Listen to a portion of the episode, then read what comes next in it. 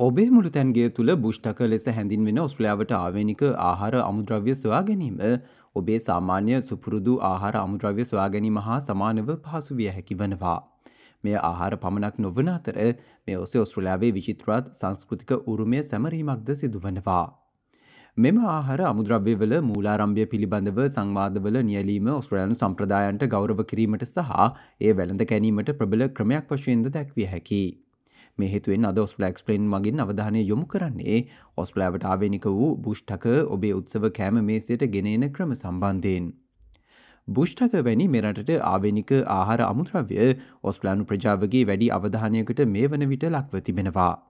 කෙසේ නමුත් මේ හේතුවෙන් ගෘහස්තව සිදුකරන ආහාර පිසීමේදී මෙවැනි ආහාර යොදාගන්න ආකාරය යම්දුරකට අභියෝගාත්මක විය හැකි. ඩේමියන් කොල්තඩ් ෆලින්ඩස් රේන්ජස් හි අඩ්‍යමත්නා සහ ඩේරි පුද්ගලයෙකු වන අතර ඔහු ස්වදේශික ආහාර අමුද්‍රව්‍ය අලවි කරන ව්‍යාපාරයක් වන වන්ඩුහි සම නිර්මාතෘ වනවා. ඔබේ ආහාර සඳහා බුෂ්ටක ඇතුළත් කිරීමේදී ඒ සම්බන්ධයෙන් යම් ගවේශණයක් සහ පර්ේෂණයක් සිදු කිරීම අත්‍යවශ්‍ය වන බව ඩේමියන් පවසනවා. එමෙන් මොහු කියා සිටින්නේ සලාද අතුරුපස පානවර්ග සහ කොක්ටේල්වලට මේවා යොදාගන්න ආකාරය සම්බන්ධින් සොයා බැලි හැකි අතර ඒවා සඳහා වන විවිධ වට්ටෝරුද අන්තර්ජාලයේ පවතින බවයි. But ultimately, those who are cooking at home, what we like to encourage is this experimentation with the different natives and just embodying it and celebrating it within your cooking. So for Christmas, how many different meals they get brought out salads to desserts to beverages, hot and cold to, to cocktails. There's a range of different ways they can use it and access that. And there's many different recipes online as well. Damien ඔස්ට්‍රලයානු ප්‍රජාව දිරිමත් කරමින් කියා සිටින්නේ ස්වදේශික ආහාර අමුද්‍රව්‍ය යොදාගනිමින් ආහාර සැකසීම අත්හදා බලන ලෙසයි.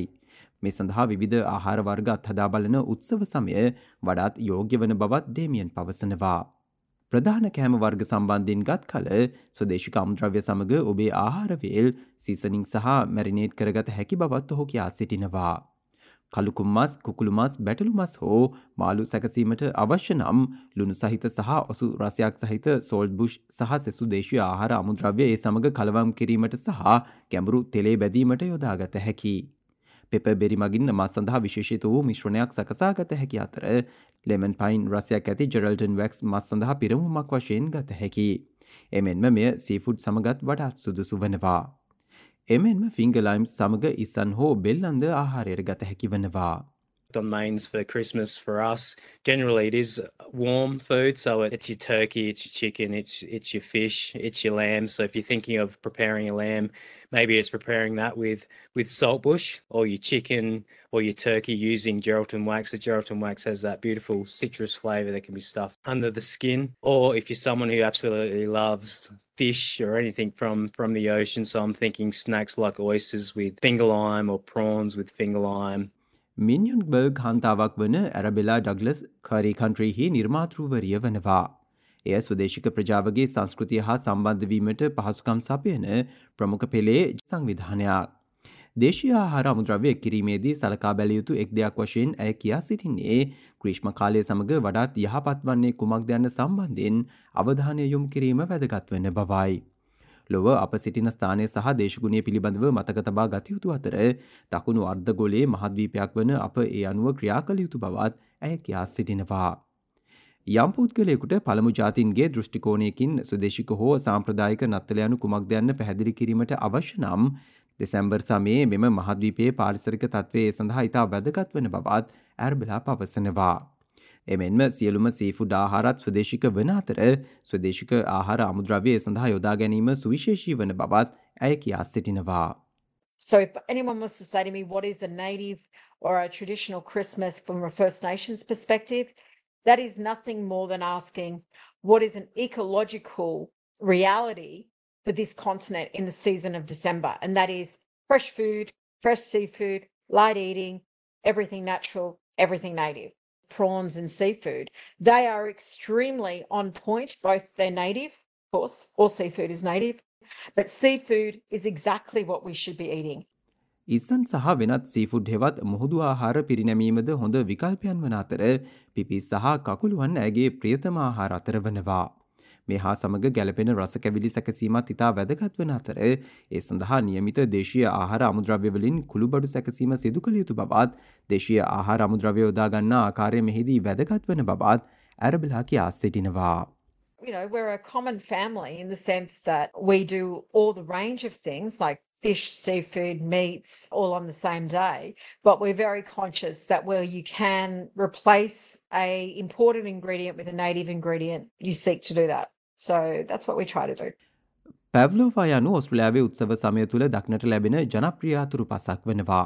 කෙසේ නමුත් මෙම අතුරු පස සඳහා දේශය ආහාර අමුද්‍රව්‍ය ඉතා පහසුවෙන් යොදාගත හැකි. ඩේමියන් කියා සිටින්නේ සෑමයකුම ස්ට්‍රෝබෙරි ගම් පැව්ලෝවවලට කැමති අතර ඔටල් සීඩ් වලින් පිර වූ ක්‍රීම් මගින් මේ සාධන බවයි.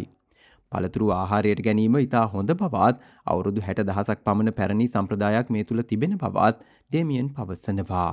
Everyone loves a pavlova. We've got strawberry gum pavlova. The cream is infused with um, wattle seed. So once again, you've got two native ingredients straight off the bat there. You know, what better than having fruit as well? We have it with fruit mixed with a combination of traditional fruit, traditional in the way of 60,000 years of age. So I'm thinking of the Kwangdong, Davison plum, but then you can delve into the, the munchies and whatever you're feeling.